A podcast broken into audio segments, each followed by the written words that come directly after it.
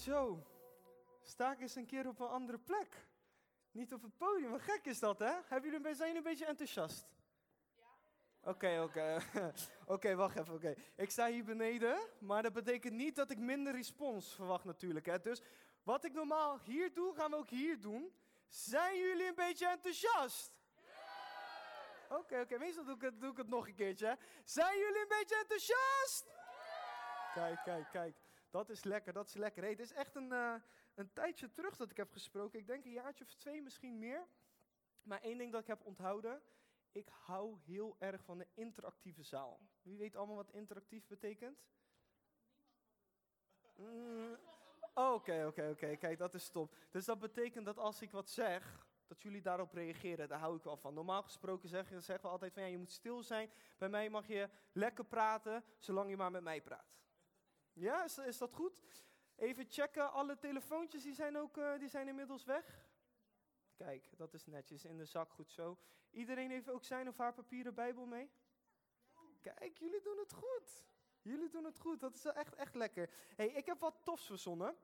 Want ik geloof dat ik echt voor vanochtend, vanmiddag moet ik zeggen, echt iets tofs heb ontvangen. Het gaat echt goed zijn. Ik ga jullie bekogelen met waarheden. Wie houdt er van waarheid?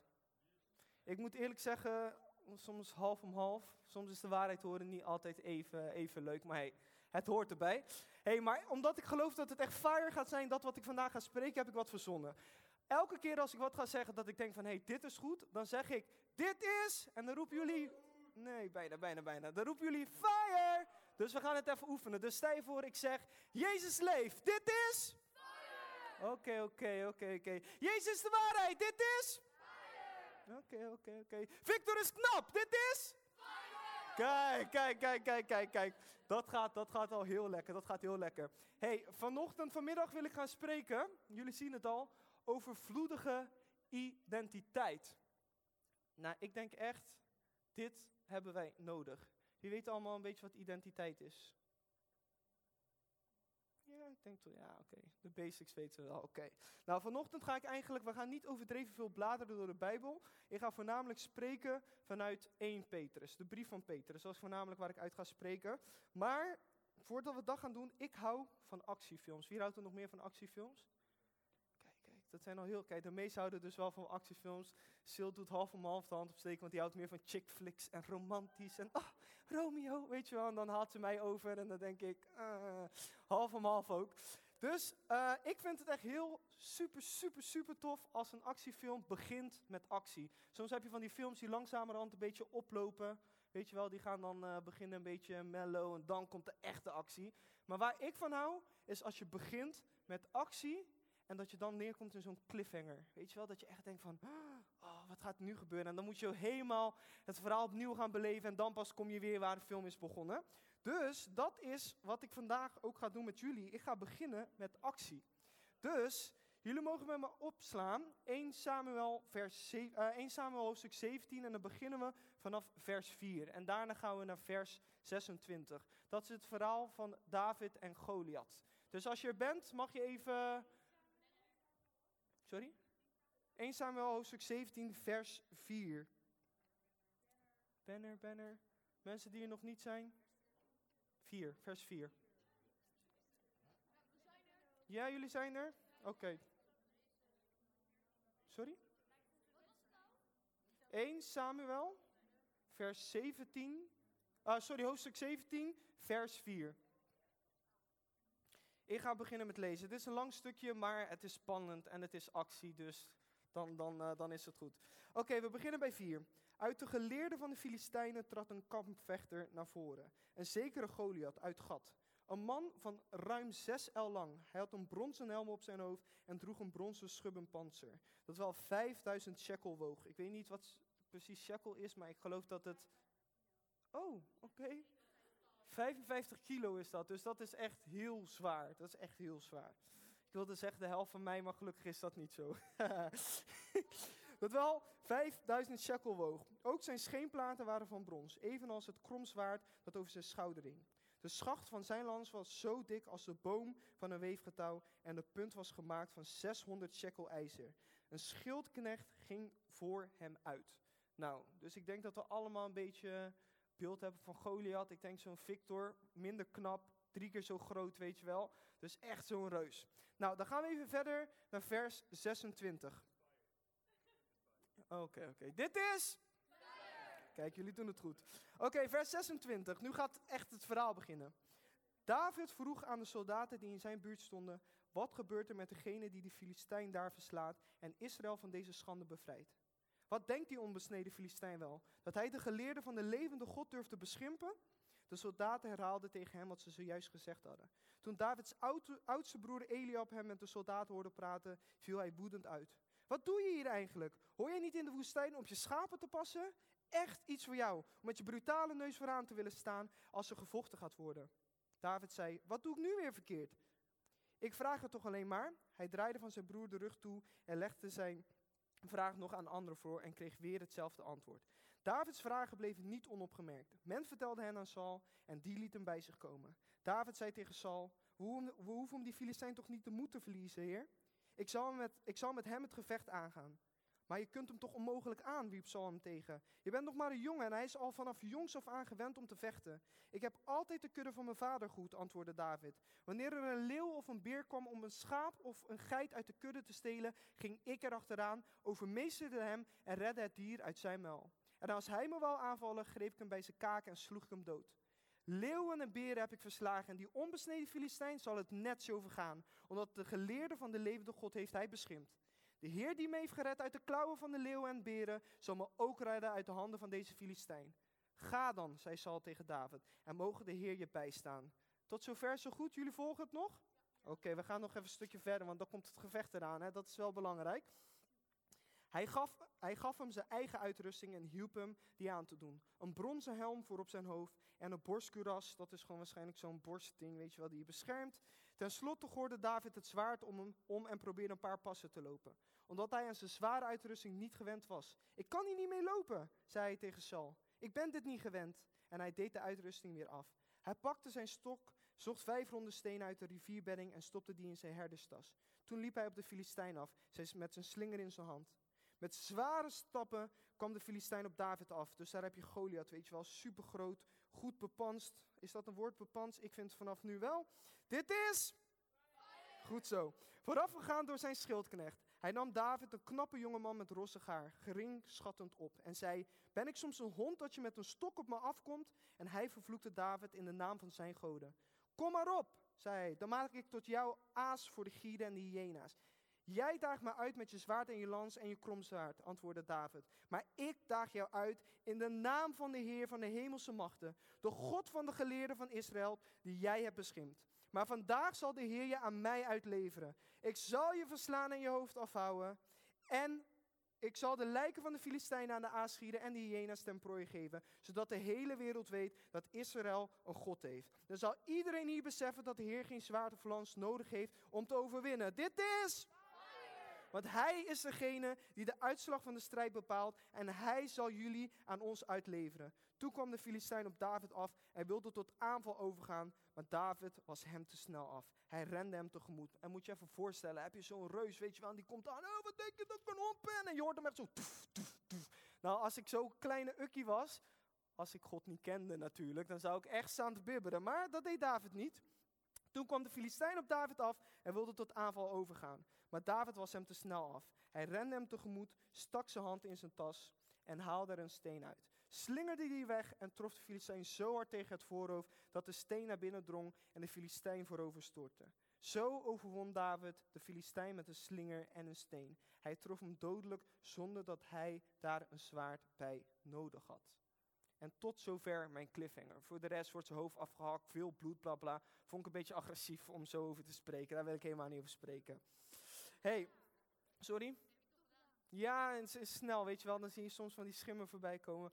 Hé, maar dat ga ik niet doen. Dus tot zover de cliffhanger. We zijn begonnen met actie. Wie vindt het nu tot nu toe, is enthousiast erover? Ja, kijk, precies. Kijk, het gaat al lekker, het gaat al lekker. Hey, zoals ik vertelde wil ik graag spreken vanuit de brief van Petrus. Eigenlijk uh, kwam ik erachter, was ik een keer Bijbel aan het lezen en daarna ging ik ook samen met Sil Bijbel lezen. En toen las ik de eerste verse van Petrus en ik werd zo enthousiast. En toen dacht ik, hierover wil ik gaan spreken. Vic en Nien hadden me benaderd om te spreken En ik ging een beetje twijfelen. Ik dacht, moet ik dat wel gaan doen? Ik doe liever zingen, comfortzone, you know. Maar toen uh, dacht ik, weet je, ik ga het doen. Ik heb vertrouwen erop dat zij de stem van God verstaan. En mij dus hier willen hebben. Dat papa God dat ook wilde. Dus nou, hoe gaat dat uh, te werk? Ik ga ervoor bidden, ik laat het op me indringen. En dan eigenlijk spreekt vaak de Heilige Geest tot mij. En ik kwam uit op 1 Petrus. Dus toen dacht ik, ik ga vandaag spreken over overvloedige identiteit. Nou, oké. Identiteit, wat houdt dat in? Ik vind het altijd fijn om een uitleg te hebben. Dus ik heb mijn vriend Google heb ik om raad gevraagd. Wat zegt Google tegen mij? De uitleg hiervan was: identiteit is de eenheid van wezen, volkomen overeenstemmig en gelijkheid. Het beeld dat iemand van zichzelf heeft, is het zelfbeeld of zelfconcept. Er zijn verschillende soorten van het begrip identiteit te onderscheiden, zoals persoonlijke, genetische, sociale, culturele en nationale identiteit. Nou, heel vaag dus. Heel veel moeilijke, lastige termen. Hierop ga ik niet zeggen, dit is fire. Because that's not true. Dus eigenlijk als je gaat kijken, is het heel erg dat je heel veel verschillende vormen hebt van identiteit. Weet je wel, wat is het nou echt? Vandaag ga ik heel veel vragen stellen namens jullie. Mijn vriendin vindt het heel vervelend als ik dat doe, maar nu mag het, want ik sta hier. Hè, dus uh, ik ga gewoon lekker vragen invullen. Dus ik hoor jullie denken, Lyle, maar wat is het dan eigenlijk? Dus als jij aan mij zou vragen, wat is identiteit? Zou ik als eerste tegen jou zeggen, Read my Bible and pray every day. And if you do that, you got love for you to say. Nee, die niet. Oké, gaan we even snel verder. Dus dan zou ik tegen jou zeggen: ga naar de Bijbel toe. Vervolgens zou ik tegen jou zeggen: ga 1 Petrus lezen. Want 1 Petrus vertelt je niet alleen wie je bent, maar ook wie je zal zijn. En ook hoe je kan leven vanuit overvloedige identiteit. Daarnaast ging ik als de echte sprekers onder ons, ik zie hem daar zitten, Maarten, een Timo, een Victor, die gaan altijd in het Latijn gaan opzoeken wat het betekent. Dus ook ik heb dat gedaan. Ik ben gaan zoeken, ik ben gaan zoeken wat betekent het. Dus ik ging uh, Google Translate, weet je wel, en ik kwam uit identitas. Nou, het lijkt er vrijwel op identiteit, identitas, één pot nat. Dus nou, toen ben ik weer heel slim terug gaan vertalen wat het dan betekent. En daarvanuit kwam dat het woord betekent gelijkenis. Dus als je gaat kijken naar identiteit, zie je dus staan gelijkenis. Dus op het moment dat jij aan mij vraagt, Lyle, wat is mijn identiteit? Dan zeg ik tegen jou, jouw identiteit, wat je aan mij vraagt, is wie is mijn gelijkenis? Daar heb ik een antwoord op. Als je teruggaat naar het begin, zou ik letterlijk en figuurlijk zeggen, terug naar het begin, kan je zien in Genesis 1, vers 27. Daar staat er, God schiep de mens als zijn evenbeeld. Als evenbeeld van God schiep hij hem. Mannelijk en vrouwelijk schiep hij de mensen. Dit is. Dus als jij vraagt aan wie dan ook, aan jezelf in de spiegel, aan je moeder, aan je vader, aan God, aan je buurman, je broertje, je zusje, wat is mijn identiteit? Dan vraag je, wie is mijn gelijkenis? En dat is God. Want wij zijn gemaakt naar zijn evenbeeld. Dus als je ooit nog eens denkt, ik moet twijfelen over wie ik echt daadwerkelijk ben, dan heb je je antwoord. Ga gewoon naar Google Translate, Latijn, en dan zie je gewoon wat het betekent. Maar toch, hoe komt het nou dat we daar zo mee struggelen? Als je gaat kijken naar wat de maatschappij eigenlijk tegen ons zegt, is het dat het je identiteit speelt een grote rol. Ben ik het helemaal mee eens, zeer zeker. Maar toch lijkt het dat alsof het voor jullie, voor tieners, dat het dan een stuk lastiger is of zo.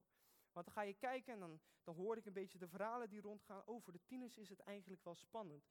Ze gaan voor het eerst naar de middelbare school toe. Ze komen nieuwe mensen tegen. Nieuwe keuzes dat ze moeten gaan maken. Ga ik wel drinken, ga ik niet drinken? Ga ik wel met dit groepje om, ga ik niet met dit groepje om? Ga ik wel drugs doen, ga ik geen drugs doen? Weet je wel, wat, wat zijn de keuzes die we gaan maken? Maar in alle eerlijkheid moet ik je vertellen dat ik er niet in geloof dat dit een struggle gaat zijn voor jullie. Want dat ik geloof zoals het al vanaf in het begin staat. Hé hey jongens, jullie zijn niet met mij aan het praten, dus dan dus ik geloof dat net zoals het in het begin staat van de Bijbel in 1 Genesis, geloof ik dat ook voordat er überhaupt een begin was van jou, jouw identiteit al vaststond. En dat jouw gelijkenis aan God al klaar stond. Dus ik geloof er niet in dat op het moment dat jij naar de middelbare school toe moet en je keuzes moet gaan maken, dat dat gaat bepalen wie jij bent. Zeer zeker niet. Moet je die keuzes gaan maken? Zeer zeker. Maar along the way in mijn preek ga ik je helpen hoe jij gewoon heel clear kan gaan zeggen, nou dit zijn de keuzes die ik wil gaan maken. Ik heb drie punten, eigenlijk drie vragen, die ik door mijn preek heen uh, ja, waar ik antwoord op ga geven. En dat ik gewoon denk, met deze drie vragen gaan jullie vanmiddag naar huis. Punt 1. Wie maakt de aantekeningen? Ja, ik zie wat anders, supergoed. Vraag 1. Wie ben ik? In principe zouden jullie die nu al kunnen antwoorden. Jij bent de gelijkenis van? Dit is? Precies. Vraag 2. Hoe vind ik mijzelf? En vraag 3. Hoe moet ik leven vanuit een overvloedige identiteit? We gaan beginnen met wie ben ik? Sla met mij open 1 Petrus 1. Zo. Jullie zijn super snel. Nou, supergoed. Hey, uh, de brief van Petrus die is eigenlijk geschreven aan het volk van Klein-Azië. Voor de geografen, ik kijk eigenlijk een beetje Chris aan hier zo. Is dat nu, vandaag de dag, is het... Sorry? Sorry? Ja, zeg maar harder. Hij heel dichtbij, West-Turkije. Dus je zit goed, wauw. Zo, oké, dat ik ben er echt slecht in, dus ik ben echt, ik ben echt impressed. Nou, hiervoor hoor ik het al, dat is vandaag de dag, is dat West-Turkije. En de brief is eigenlijk geschreven dus aan, laten we zeggen, West-Turkije, maar ik geloof vandaag dat God hier doorheen spreekt naar jullie toe, naar mij toe, naar ons toe. Yes, zijn jullie met mij? Oké, dus van Petrus, apostel van Jezus Christus, aan de uitverkorenen van Nieuw Gen. Door God de Vader voorbestemd om geheiligd door de Geest gehoorzaam te zijn aan Jezus Christus en met zijn bloed besprenkeld te worden. Genade zij u en vrede in overvloed. Geprezen zij de God en Vader van onze Heer Jezus Christus. In zijn grote barmhartigheid heeft Hij ons opnieuw geboren doen worden door de opstanding van Jezus Christus uit de dood, waardoor wij leven in hoop. En nu komt het waar ik zo enthousiast van werd. Er wacht u, die door Gods kracht wordt beschermd, omdat u gelooft in de hemel, een onvergankelijke, ongerepte erfenis die nooit verwelkt. U ziet de redding tegemoet, die aan het einde van de tijd zeker geopenbaard zal worden. Verheug u hierover. Ook al moet u nu tot uw verdriet nog een korte tijd allerlei beproevingen verduren. Niemand is enthousiast? Ik wel. Niemand? Oké, okay, we gaan het gewoon nog een keer lezen. Dat ene stukje. Er wacht u, die door Gods kracht wordt beschermd, omdat u gelooft in de hemel, een onvergankelijke, ongerepte erfenis die nooit verwelkt. Weet je wat het betekent, die nooit verwelkt? Dan moet je maar even nadenken. Stijf, er is een foto van jou en die is dan het internet omgaan en je staat er niet zo charmant op en die gaat nooit meer van het net af. Maar zo staat voor ons dus een schat te wachten die nooit verwelkt. En alleen al hierop, ik zou eigenlijk nu kunnen stoppen en zeggen, dit is het einde van mijn preek. Want als je gaat kijken wat er hierin staat, in de eerste verse van de brief van Petrus, kan je al mijn drie vragen beantwoorden. Wie weet hem nog? Wie? Oké, hoe? Is goed zo. En hoe moet ik leven? Supergoed. Als je gaat kijken naar de eerste verse, dan staat er, wie ben ik? Staat hierin, ik ben een uitverkorene, bestemd om geheiligd door de Heilige Geest, om, te gehoorzaam, om gehoorzaam te zijn aan Christus, beschermd door de kracht van God. Dit is? Oké, hoe vind ik mezelf? Door opnieuw geboren te zijn door Christus, door te leven vanuit hoop. Dit is? Hoe moet ik leven vanuit een overvloedige identiteit? Door te geloven in het woord, door te wandelen vanuit de wetenschap dat er op jou in de hemel een onvergankelijke, ongerepte erfenis staat te wachten die nooit vergaat. Oké, ik dacht, moet ik het nog gaan vragen? Oké, oké, dan zitten we op één lijn met elkaar. Dat is supergoed. Maar ik kan me nog steeds afvragen, weer een vraag vanuit jullie uit. Maar Lyle, waarom zou het zijn dat ik dit verdien? Ik maak nog steeds fouten. Ik heb nog steeds niet een relatie met God waarvan ik zeg van, hé, hey, dit zit op 100%. Ik lees niet elke dag mijn Bijbel. Ik, praat, ik scheld soms wel eens. Ik denk soms wel eens lelijk als ik ruzie heb met mijn moeder. Of met mijn vader of met mijn broertje of met mijn zusje. Anyhow, laat me hierbij helpen. Ook ik ben niet perfect. Zeer zeker niet. Ook ik denk soms niet in lijn met wat papa God over mij spreekt. Ook soms denk ik van ja, hm, is dat echt zo? Ook ik kan koppig zijn. Waarschijnlijk roept mijn vriendin nu in haar hoofd, dit is fire. Maar dat laten we even buiten beschouwing. Maar waarom kan het dan zijn dat ik dit wel geloof? En ik ga vanuit dat jullie dit ook geloven, maar dat het soms wat moeilijkheden met zich kan meebrengen. Maar ik zei het al, Dit is letterlijk omdat mijn papa God dit over mij uitspreekt, over jou uitspreekt, over ons uitspreekt. En als wij geloven, wie gelooft er allemaal hier? Kijk eens, anders heb ik dadelijk nog een oproep, jongens. Er is voor iedereen redding hier. Maar als wij geloven in God, dan geloven we dat zijn woorden ja en amen zijn. Toch? Zijn jullie het met mij eens? Dus als hij het spreekt, als hij het spreekt, waarom zouden we het niet geloven? Nu mogen jullie zelf praten. Als iemand een goede reden heeft, ik heb sowieso wel een counterreden, maar voor het geval dat. Kijk, daarom, als zijn woorden ja en amen zijn, dan kunnen wij erin geloven en zeggen van dit is fire, dit is waarheid wat Papa God spreekt. Maar waarom is het dan zo dat we toch willen geloven dat wat de maatschappij spreekt? Waarom is het zo dat wij willen geloven dat als je naar de middelbare school gaat, dat je moet gaan zoeken wie je wilt zijn. Dat je moet gaan zoeken wie je bent. Als God spreekt, zijn woorden zijn ja en amen. Dus het maakt niet uit wat er een leraar tegen jou zegt van, jij bent niet bestemd voor veel groots. Het maakt niet uit of er op een sollicitatie van je allereerste baantje je wordt afgewezen. Het maakt niet uit als je ruzie hebt met je vrienden, dat ze dan lelijke dingen zeggen. Want onze papa God spreekt. Als hij spreekt is het ja en amen. Er is niks op tegen in te brengen. Nou, ja zeker, daar ben ik mee eens. maar oké, laten we dan even vers 18 gaan lezen. In vers 18 staat er, hier is een beetje onderbouwen, ik wil het natuurlijk niet op mezelf laten neerkomen. In vers 18, hoofdstuk 1 nog steeds staat er, u weet immers dat u niet met zoiets vergankelijks als zilver of goud bent vrijgekocht, uit het zinloze leven dat u van uw voorouders had geërfd, maar met kostbaar bloed van een lam zonder smet of gebrek van Christus. Dit zijn heel wat woorden, dus ik ga hem nog een keer lezen. U weet immers dat u niet met zoiets vergankelijks als zilver of goud bent vrijgekocht uit het zinloze leven dat u van uw voorouders had geërfd, maar met kostbaar bloed van een lam zonder smet of gebrek van Christus. Wauw. Dus wat er hier staat, heel veel mensen investeren nowadays in, in zilver omdat de prijs aan het stijgen is, maar zelfs dat is niet genoeg om jou vrij te kopen. Want wij zijn vrijgekocht door het bloed van een lam zonder Kijk, is goed zo. Of enig gebrek. Daar zijn wij door vrijgekocht. En wat mij hierin aansprak staat er, uh, je bent vrijgekocht uit het zinloze leven dat u van uw voorouders had geërfd. En toen dacht ik, oh joh, dat is best wel pittig als dat zo staat. Dat betekent dat mijn voorouders hebben me dus eigenlijk helemaal niks gebracht. Ik hoop allemaal dat jullie hele rijke opa's en oma's hebben. Dat als ze naar de heren gaan, dat jullie heel veel welvaart hebben. Maar ik hoop jullie nog meer om de welvaart en de erfenis van God te ontvangen. Dat is veel belangrijker dan alle geld, want ik hoop dat jullie anderen mee kunnen zegenen. Dus ik ben niet aan het misgunnen hier, zeer zeker niet.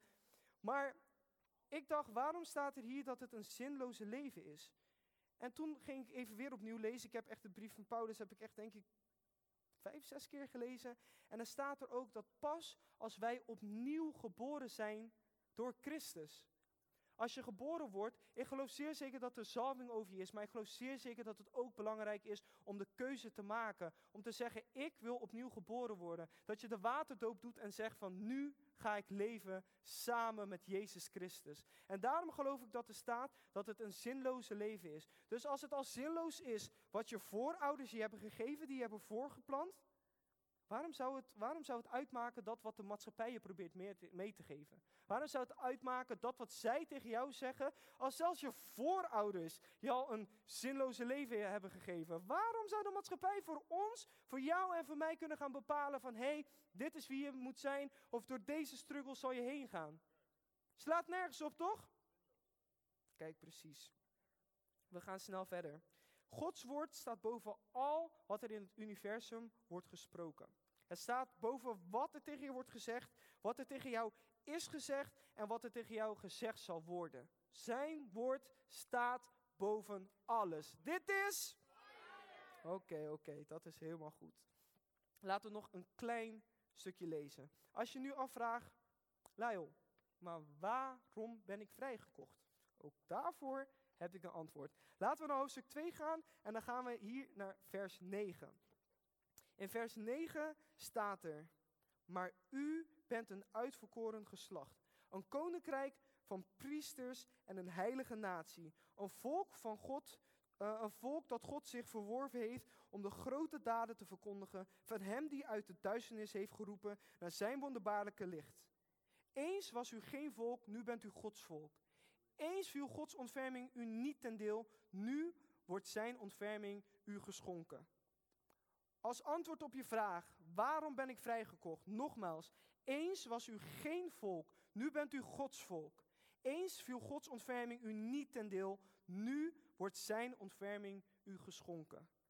Dus, als je wil weten hoe je het allemaal ontvangt, is letterlijk je armen open doen, je hart openstellen en zeggen, Heere, ik ontvang uw geschenk. Ik wil onderdeel zijn van uw volk. Ik wil naar het beloofde land toe gaan. Als ik jou nu 50 euro zou geven, wat zou je doen? Oké, oké, oké, oké. Maar als ik jou dan vertel, ik geef je, je mag kiezen 10.000 euro of 50 euro. Welke neem je aan? Er zit niks achter. Helemaal voor jou. 10.000 euro. Oké, iedereen is het eens met haar? Ja. Oké, als ik jullie nu kan vertellen hè, dat er op jou staat te wachten.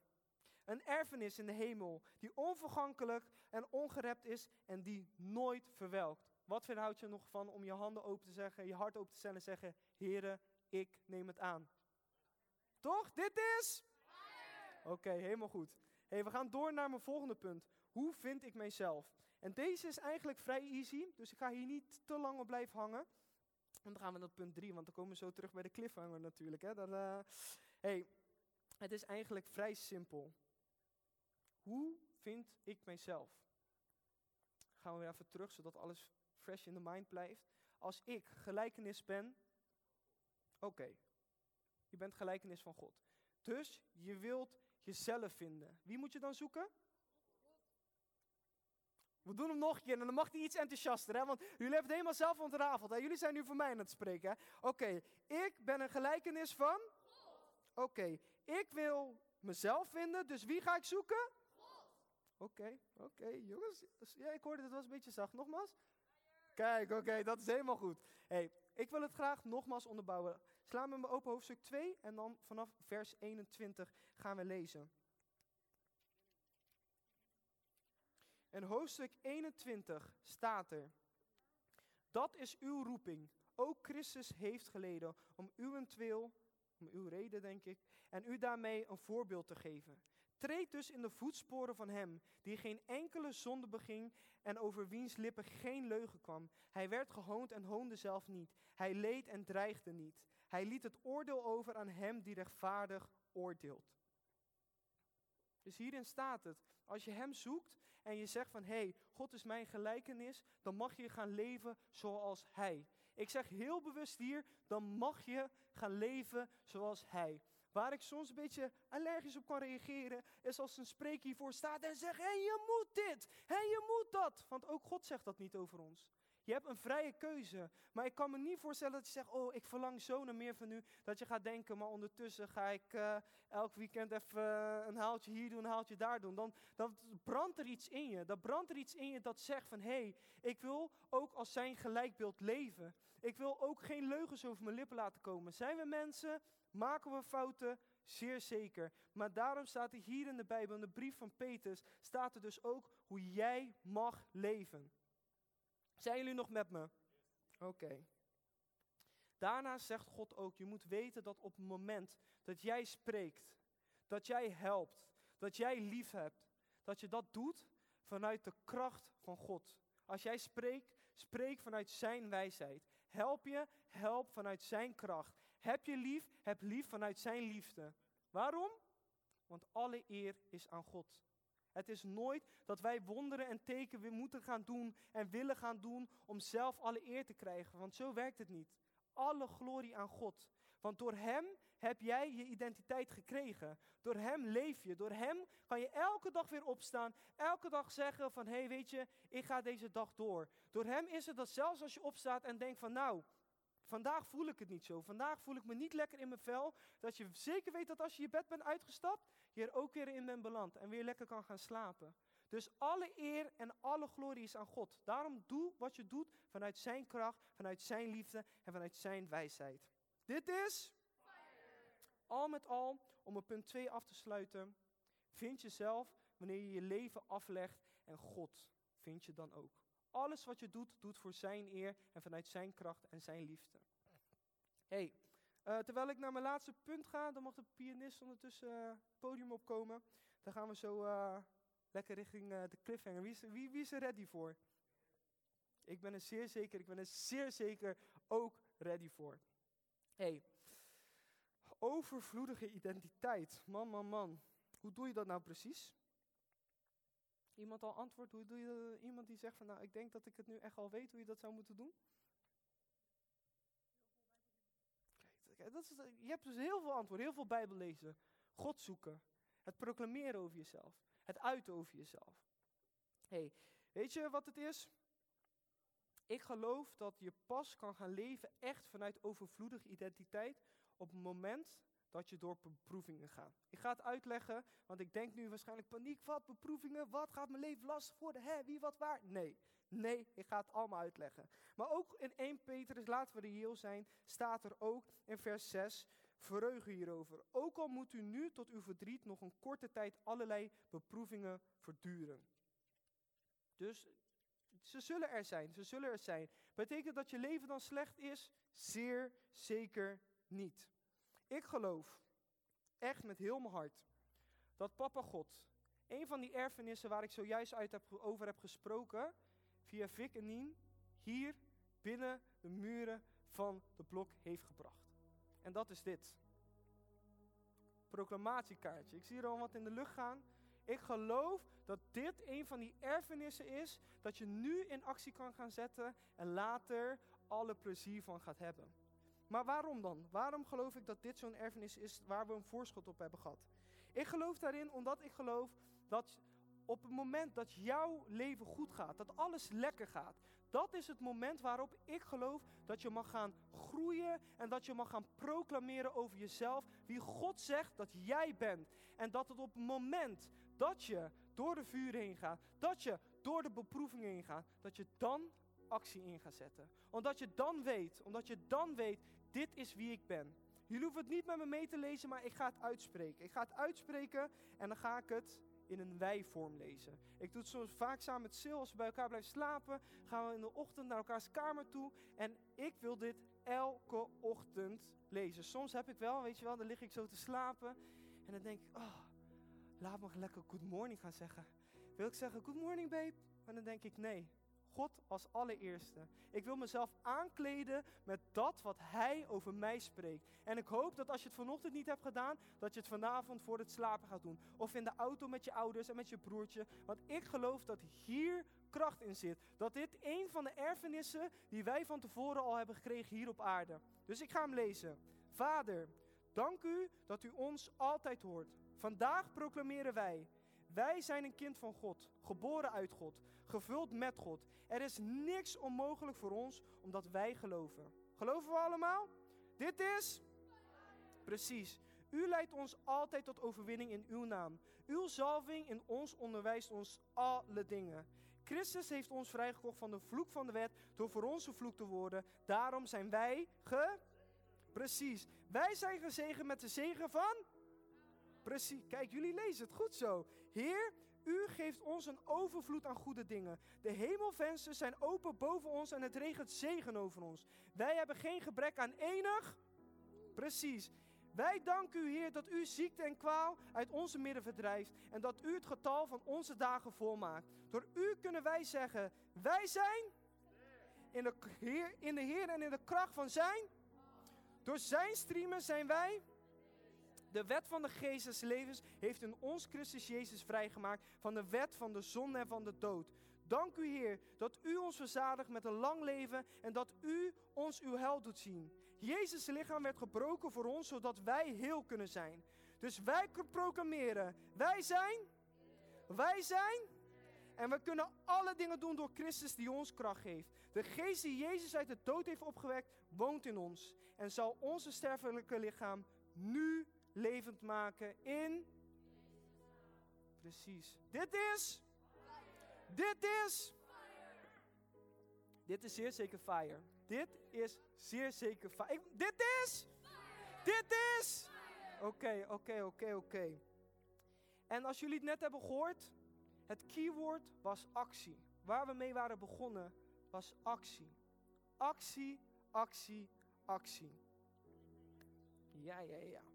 Voordat ik terug ga naar de actie, het laatste stukje. In de laatste verse, in 1 Petrus 5, vers 8, je hoeft het niet met me op te slaan, heeft Petrus geschreven, wees waakzaam. Wees op uw hoede, want uw vijand, de duivel, zwerft rond als een brullende leeuw, op zoek naar een prooi.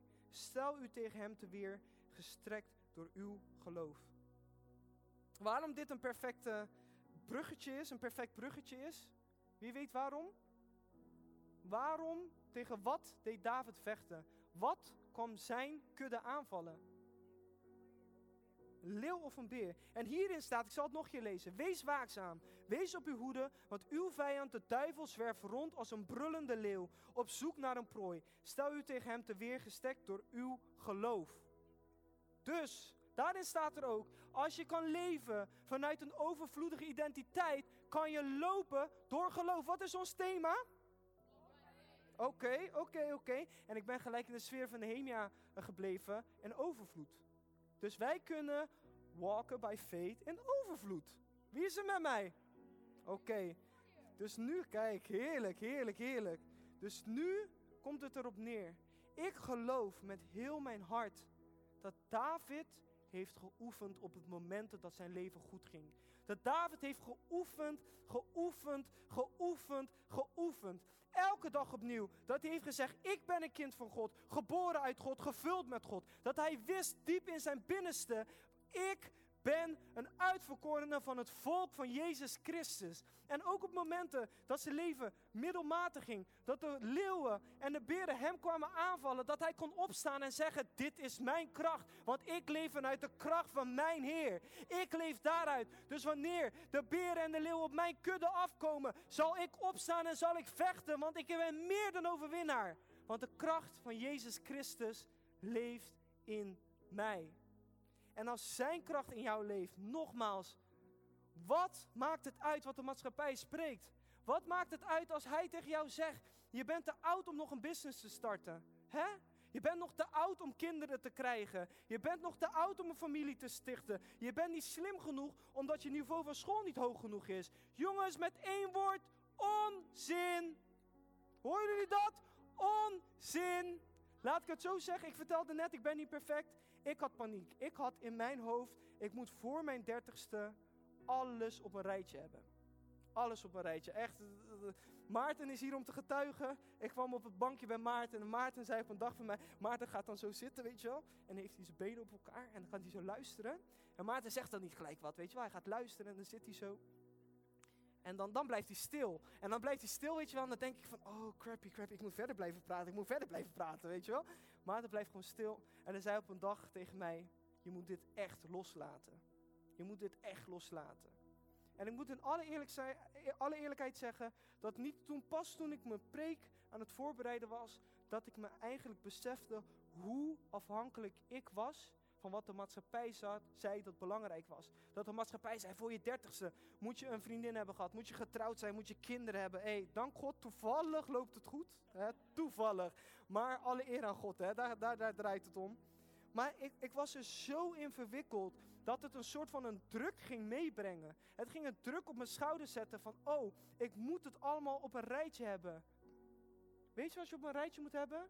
Het plan dat God voor jouw leven heeft. Dat is wat je op een rijtje moet hebben. Ik heb liever dat dat je helemaal kan, hele grote aanhalingstekens, doorslaan om te focussen op je relatie met God en zeggen: Ik wil dit beter. Ik wil meer. Ik wil meer vuur. Ik wil meer kracht. Ik wil meer wonderen, meer tekenen. Dan dat je gaat denken aan dat wat de maatschappij van jou verwacht. Wat maakt het uit of je 30, 50 of 60 bent? Betekent dat dat Gods kracht niet meer over je leven is? Betekent dat niet juist dat je meer wijsheid zal krijgen? Hè? Betekent dat als je geen partner hebt, dat je leven voorbij is? Toch? We hebben God. We hebben Jezus. We hebben de Heilige Geest. We hebben een vriend. We hebben een helper. We hebben een vader. Dat is wat we hebben. Dus wat maakt het uit of je nog niet je business bent gestart? Of je nog niet je school bent begonnen? Of je nog niet zo heel erg sociaal bent? Het is wel goed om sociaal te zijn. Even een side note. Hè? Dat is wel ook belangrijk. Maar ik geloof en ik weet dus dat David dit wist. En het kan soms zijn, hè? Het kan soms zijn, hè? Dat je dan van die mensen hebt die dan tegen spreken. Dat wanneer het goed gaat en je echt daarvan uit gaat lopen, weet je wel? Dat je echt vanuit je identiteit gaat lopen en gaat zeggen, ik ben een kind van God. Het regent zegen over mij, de hemel is open boven mij. Weet je wel? Wat ik zal ondernemen zal goed gaan omdat ik loop vanuit de kracht van God. Omdat ik denk vanuit de wijsheid van God. Omdat ik lief heb vanuit de liefde van God. Zal je die mensen hebben die zullen zeggen, oh, daar heb je hem weer. Daar heb je haar weer. Mevrouw, meneer, het gaat altijd goed. Mevrouw, meneer, die heeft weer goede cijfers. Hè? Heb je, oh, haantje tevoorschijn, zoals Eliab zei tegen David. Oh, heb je weer. Moet je niet op je kudde gaan passen? Moet je niet daarop gaan letten? Daarvoor heb ik ook een woord. En dit is wat God zegt, hè? Dus uh, dit, dit, is, dit is wat God spreekt. Daarin zegt, oh, ik heb het ook hier geschreven. Daarin staat er dat. Zeg ik het goed?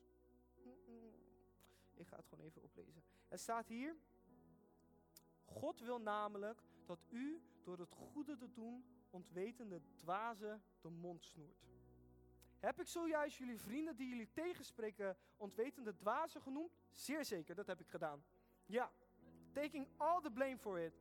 Maar zeg ik daarnaast dat er voor hun geen hoop is? Dat zeg ik zeer zeker niet. Er is zeer zeker hoop. Want ook hierin staat er, hè? Ook hierin staat er. Eens was u geen volk, nu bent u Gods volk. Eens viel Gods ontferming u niet ten deel, nu wordt zijn ontferming u geschonken. Dus ook voor de onwetende dwazen, wat wij ook op een bepaalde punt zijn geweest. Ook daarvoor is er hoop. Ook daarvoor is er redding. En nu gaat het goed worden. Nu gaat het goed worden. Want ik geloof, op het moment dat jij gaat lopen vanuit jouw identiteit, hè, dat jij kan gaan opstaan voor jouw kudde. Zoals David deed. Dat hij zei wanneer de leeuwen en de beren deden aanvallen, dat hij erachteraan ging. Wat zegt dat? Dat zegt eenzelfde levensstijl als God. He leaves the 99 to find the one of his kind.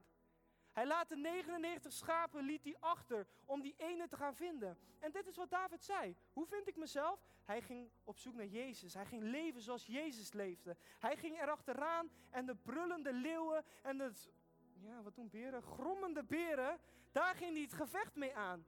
Hij zei, ik sta op voor mijn kudde. Want ik weet wat mijn identiteit is. Ik weet hoe ik moet lopen. Ik weet hoe ik moet vechten. Want ik ben krachtig omdat mijn God krachtig is. Ik kan leven omdat de overwinning is behaald aan. Dankjewel, het kruis. Dit is.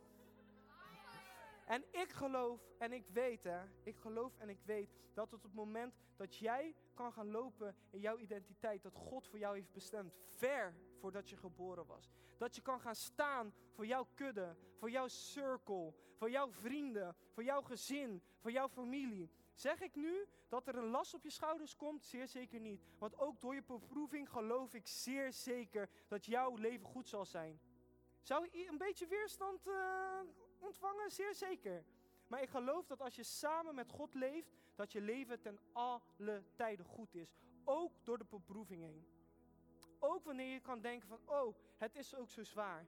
En als je dat gaat hebben, kan je gaan opstaan. En zo ga je zien dat jouw kudde misschien van 15 naar 10 gaat. Omdat er meer zeggen, hé, hey, dat wat jij hebt, dat wil ik ook. Waarschijnlijk zullen ze in het begin tegenspreken. Ze zullen zeggen van, oh, Pietje, precies heb je weer. Haantje, de voorste heb je weer. En daarna zullen ze zeggen, maar ik wil dat ook. Ik wil ook zo kunnen lopen. Ik wil ook zoveel zekerheid kunnen hebben. Ik wil ook elke ochtend in de spiegel kunnen zeggen: Jij bent mooi, want jij bent een kind van God. Want jij bent gemaakt naar het evenbeeld van God. Wie is er met mij? Dus dan zal je zien dat de kudde die, waar jij over aan het dat je denkt van die moet ik beschermen, dat er opeens meer zullen opstaan. En in plaats dat jullie samen in een groep zullen lopen, dat jullie gaan verspreiden. En dat je weer je eigen kudde krijgt. En dat iemand die in jouw kudde zat, zich kan gaan ontfermen over de schapen. Dat ze kunnen gaan opstaan en kunnen zeggen: Jongens, kijk wat mijn God voor mij doet. Wat mijn God voor mij doet, kan hij voor jou doen. Wilt hij voor jou doen? Hij staat met open armen te wachten. Maar wat jij moet gaan doen, je moet gaan opstaan en zeggen: Dit is mijn identiteit. Ik wil in de goede dagen wil ik proclameren wat God over mij spreekt. Want zijn woorden zijn ja en amen. Er is niks op tegen in te brengen. En op momenten dat je door die beproevingen zal gaan, op momenten dat je zal horen van hé, hey, je bent ongeneeslijk ziek. Hè? Door uw streamen ben ik genezen. Hè? hey, je moet uh, naar een psychiater, want uh, het gaat hierboven niet helemaal, helemaal oké. Ik ben vrijgezet van elk vloek, omdat Jezus voor mij een vloek is geworden. Hè? Op momenten dat je dan denkt van nou, ik heb de identiteit al over mezelf, dus deze dingen schaden me niet meer. Misschien is het je vriend, je oma, je broertje, je zusje, je buurvrouw, die te horen krijgt van hé, hey, weet je, je gezondheid gaat achteruit of uh, je krijgt een beetje dementie, weet ik veel, financieel gaat het niet meer goed. Dan kan jij gaan opstaan en zien wanneer zij daar op de grond verkreupeld liggen, kan jij je hand uitstrekken zoals Jezus zijn hand uitstrekt naar ons. Kom op, sta op. You got a friend in me. You got a helper in me. Amen? Dan kan je gaan zeggen, maar ook jij, ook u bent genezen. Ook voor u is overwinning al behaald. Voeg je slechts toe bij zijn volk. En begrijp me niet verkeerd, ik zeg zeer zeker niet, ik geloof zeer zeker ook dat artsen, dat dat psychiatoren, weet ik veel hoe je ze moet noemen, dat zij ook wijsheid hebben gekregen van God. Het zijn geen slechte mensen, alles behalve. Soms heb je ze nodig, want God stelt ook posities aan. Dus ook voor doktoren en ook voor, voor, voor Joyce, noem je ze nou? Psychiaters, psychiatoren. Nou, jullie weten wat ik bedoel. Hè? Dat ook daarvoor, waar ik denk wat belangrijk is hierin en wat soms een beetje twisted kan zijn, is dat het zo is dat ze verwachten dat je vanuit één uitslag, dat dat je leven gaat bepalen. En dat is niet zo. Dat is niet zo, want ook wij waren ook e- ooit eens niet Gods volk, maar nu zijn we het wel. Dus dat betekent dat op het moment dat je zo'n tegenslag hoort, dan geloof ik nog steeds dat jouw leven met God goed zal zijn. Alle dagen. Want Hij maakt het getal van al jouw dagen maakt Hij vol. Dus als jij gaat opstaan en zeggen van hé, hey, dit gaat mij niet weerhouden om de gospel te brengen. Dit gaat mij niet van weerhouden om te zien wie ik echt ben. Dit betekent niet voor mij dat de overwinning is afgelopen. Dit betekent niet voor mij dat ik een nieuwe wedstrijd moet gaan lopen. Nee, want de overwinning is voor eens en voor altijd is het behaald. Zijn jullie nog met mij? Om even terug te komen op de drie vragen. Wie ben ik? Hoe vind ik mijzelf? En hoe leef ik vanuit een overvloedige identiteit? Vraag 1. Wie ben ik? Je bent de gelijkenis van Jezus.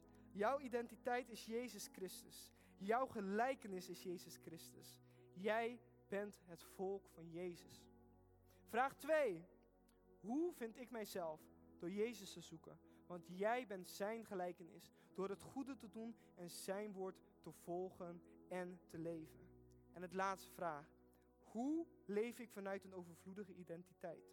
Door te weten wie jij bent en jezelf te vinden in Jezus. Heel simpel is het dus al met al door God te volgen.